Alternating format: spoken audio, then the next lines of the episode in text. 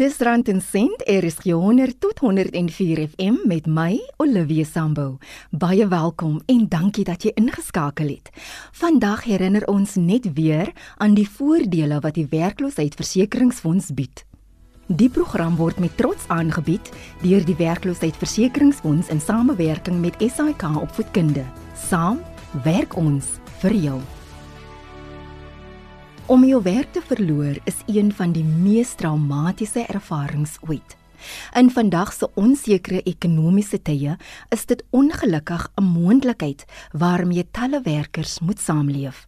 Maar die werkloosheidsversekeringsfonds is daar gestel om korttermyn finansiële verligting te bring vir werkers wanneer hulle afgedank word of as hulle weens siekte nie meer kan werk nie.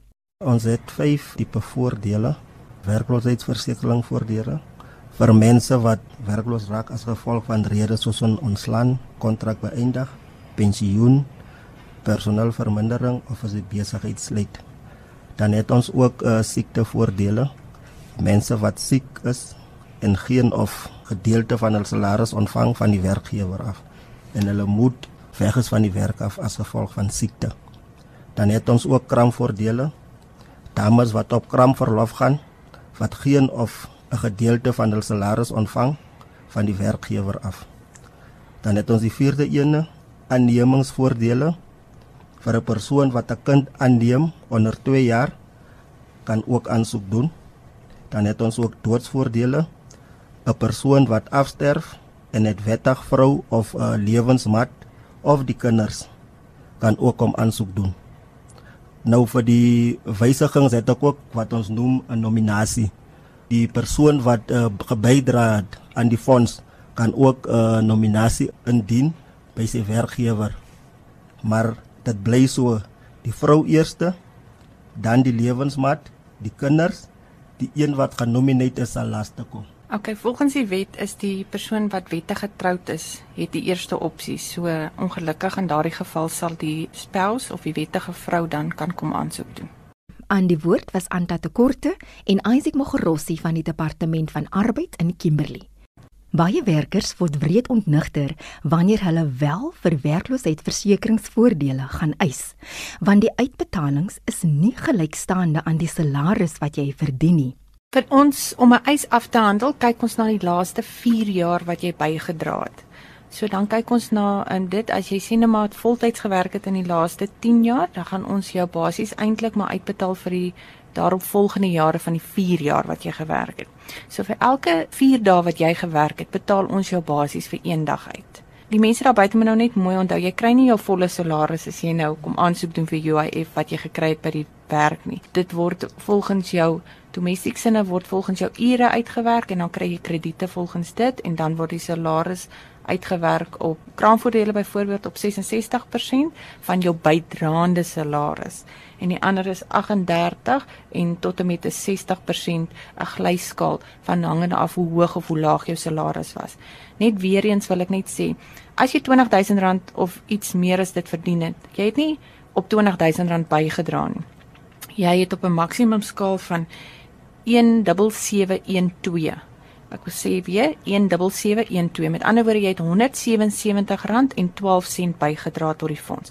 So op daardie salarisskaal gaan ons jou dan uitbetaal op die glyskaal van 38 tot 60%. Daar is dus 'n maksimum bedrag wat die fonds aan jou sal uitbetaal. Ons betaal tussen 36 en 66%. So as jou salaris sien nou maar R1000 is, dan betaal ons volgens 'n skaal wat jy gekry het. Baie belangrik is skies mense verdien R50000 'n maand. Ek wens ek was eenvoudig geweest.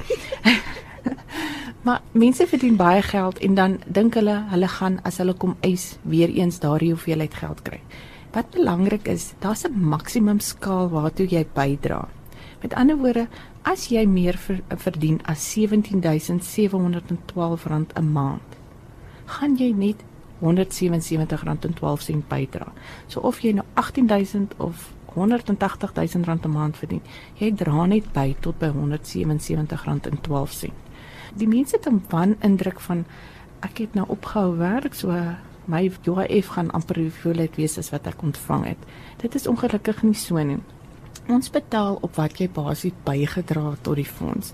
So daar's 'n glyskaal van wat jy gekry het en wat jy gaan ontvang. So gesels Anta Tekorte van die Departement van Arbeid in Kimberley.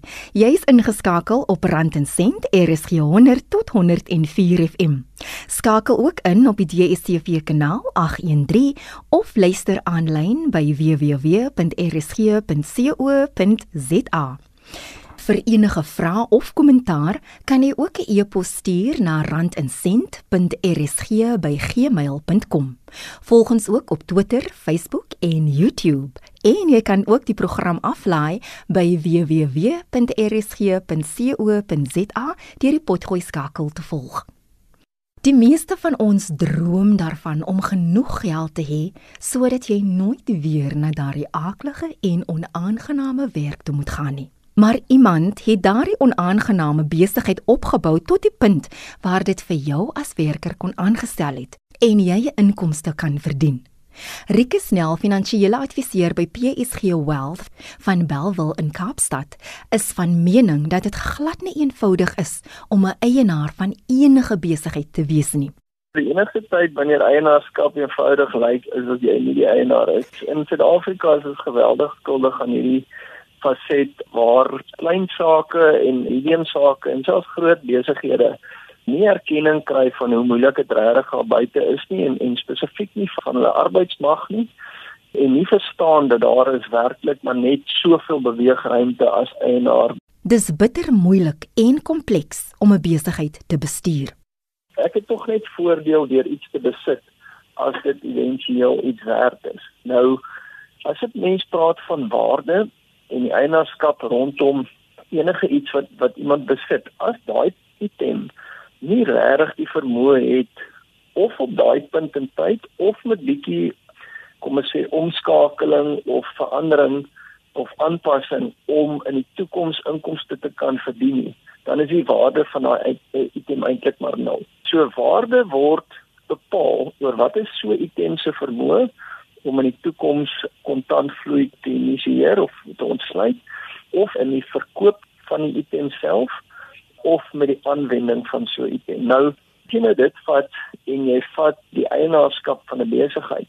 Dit beteken tog dat 'n besigheid is 'n lopende saakwaarde, dan beteken dit tog die besigheid moet kan inkomste genereer op 'n volhoubare wyse en daai waarde sal totaal en al anders te lyk as so besigheid se liquidasie waarde wat eintlik maar dan net kom ons sê vaste eiendomme, voertuie, toerusting, en goed soos voorraad sou insluit. So wat belangrik is vir enige eienaar se eienaarskap binne sy besigheid of haar besigheid is dit belangrik om seker te maak dat wanneer die waarde ontsluit moet word dat daai besigheid as 'n lopende saak verkoop kan word of oorgegee kan word of eienaarskap aangegee kan word. En daar is spesifieke risiko's wat daarmee gepaard gaan. Wat ons nou nog gepraat het die hele tyd van is net die komplikasie of die kompleksiteit van 'n besigheid uh, wat bestuur word en hoe so besigheid produkte moet verkoop, hulle uitgawes en hulle krediteure moet eerbiedig en dan op die ou einde 'n volhoubare wins moet kan genereer dan rus daar ook 'n groot verantwoordelikheid in terme van risiko op die skouers van die individu of individue wat die besigheid bestuur. Ons het nog nie gepraat van die individu wat agter daai besigheid staan rondom die kundigheid of die borgskap wat so 'n persoon ge gestaan het in terme van sekuriteitstelling nie. Ons het nog nie gepraat van daar's goed wat met so 'n individu, individu kan gebeur in terme van siekte, in terme van dood, in terme van egskeiding in terme van gesondheids- en net energievlakke om hierdie ding verder te dryf. So wat ons sê is daar's 'n baie komplekse wisselwerking tussen die besigheid self en die besigheidsresultate en dan die individu wat hierdie eienaarskapsrol en bestuursrolle vervul met die wete dat daar is spesifieke risiko's wat inwerk rondom hierdie individu ook wat 'n baie groot invloed kan hê op die besigheidsresultaat ook. En dan is daar spesifieke produkte wat oor tyd geskep is, uh die meeste maar die versekeringsbesighede uh, om te sê as iets met iemand gebeur, hoe is dit moontlik om daai eienaarskap na iemand toe binne die besigheid na toe oor te dra Hoe gaan daar vir daai eienaarskap betaal word?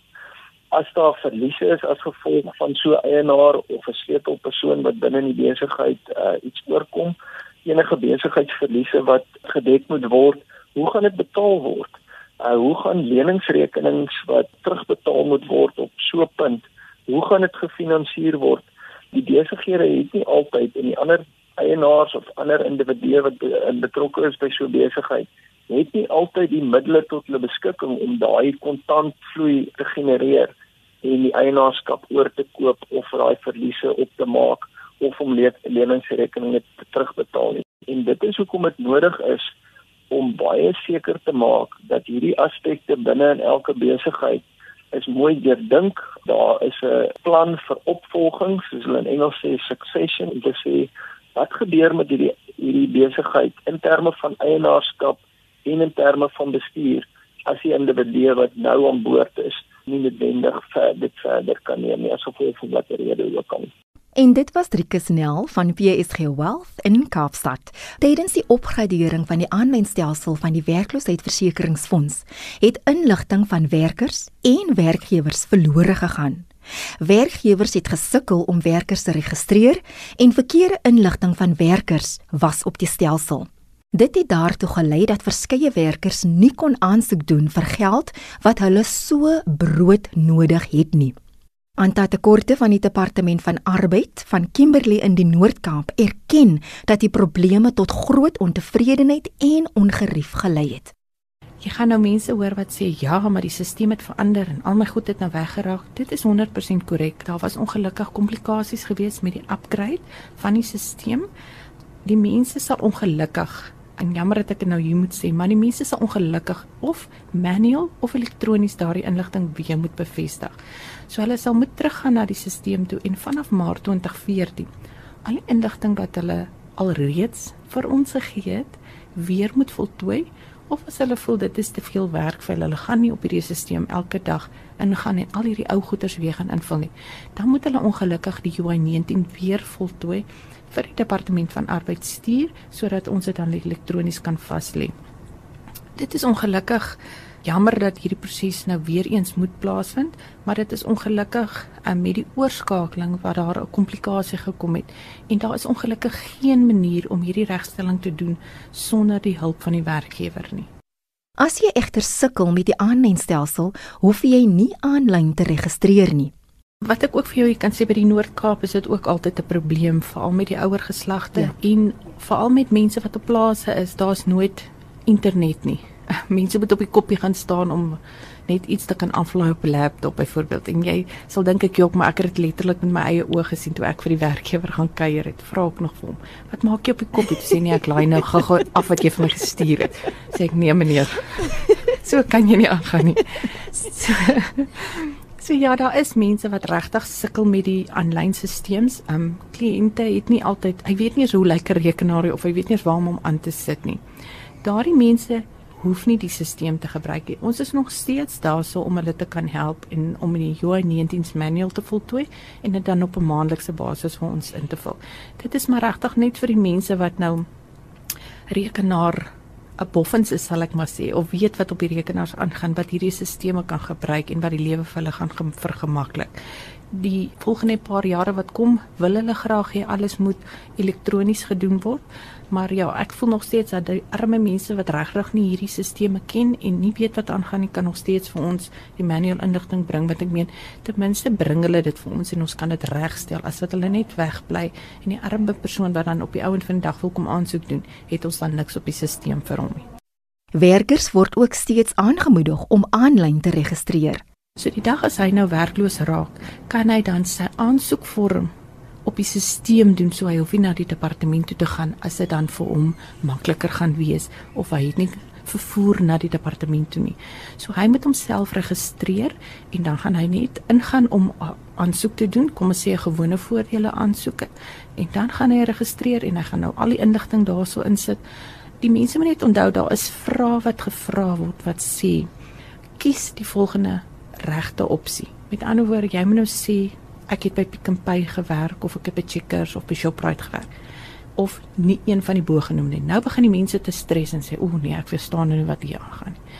Maar jy moet net seker maak dat jy weet waar jy vorige plek gewerk het of wat was jou vorige selfoonnommer of wat was jou is jou e-mailadres. Want ons vra sulke vrae om seker te maak dat die persoon wat wel die aansoek doen, die regte persoon is.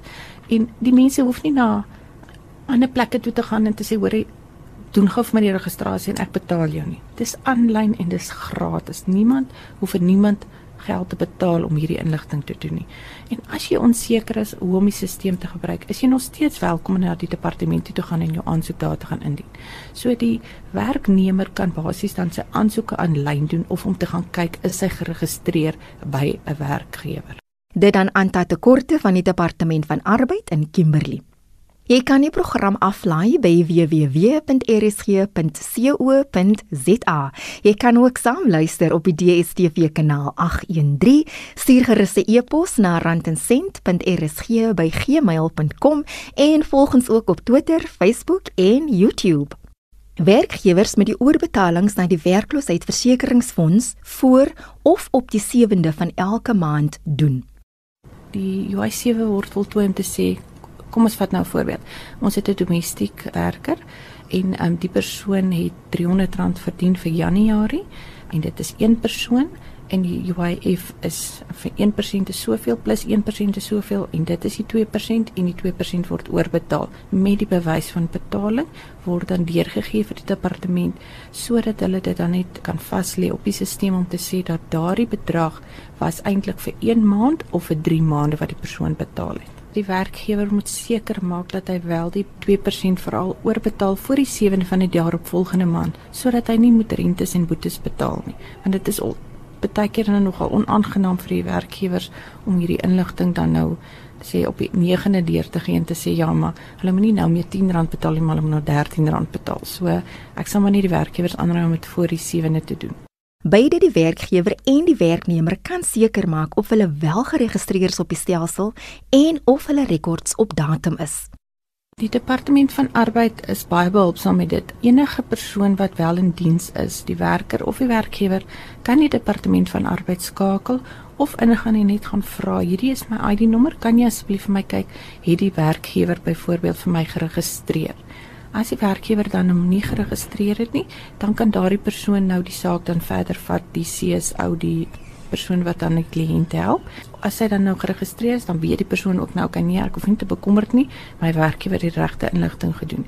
Die werkgewer kan dan ook as hy nou nie seker is, het hy nou al vir Piet of vir Sari geregistreer nie, kan hy ook inskakel en dan veral as hy met die employer audits wil praat om die analise deur te gee. Maar die analise wys baie duidelik dat Piet het beginne op die 1 Januarie en hy het in 2018 begin en hy het in Desember 2018 opgehou en dan kan jy sien of die 12 maande se salaris wel op die stelsel lê. As dit nie op die stelsel lê nie, dan kan jy nou 'n Hy 19 voltooi met 'n salarisuiteensetting om dan die salarisse reg te maak vir die persoon wat al reeds uit diens is of vir die persoon wat dan nog steeds in diens is. So vir die werkgewer en die werknemer is dit baie maklik om uit te vind of jy geregistreer is en of jy nie geregistreer is nie. Maar as jy jou werk verloor het en dan ontdek dat jy as werker nie by die werkloosheidsversekeringsfonds geregistreer is nie, is alles nie verlore nie ons het wat ons noem 'n uh, employer audit section.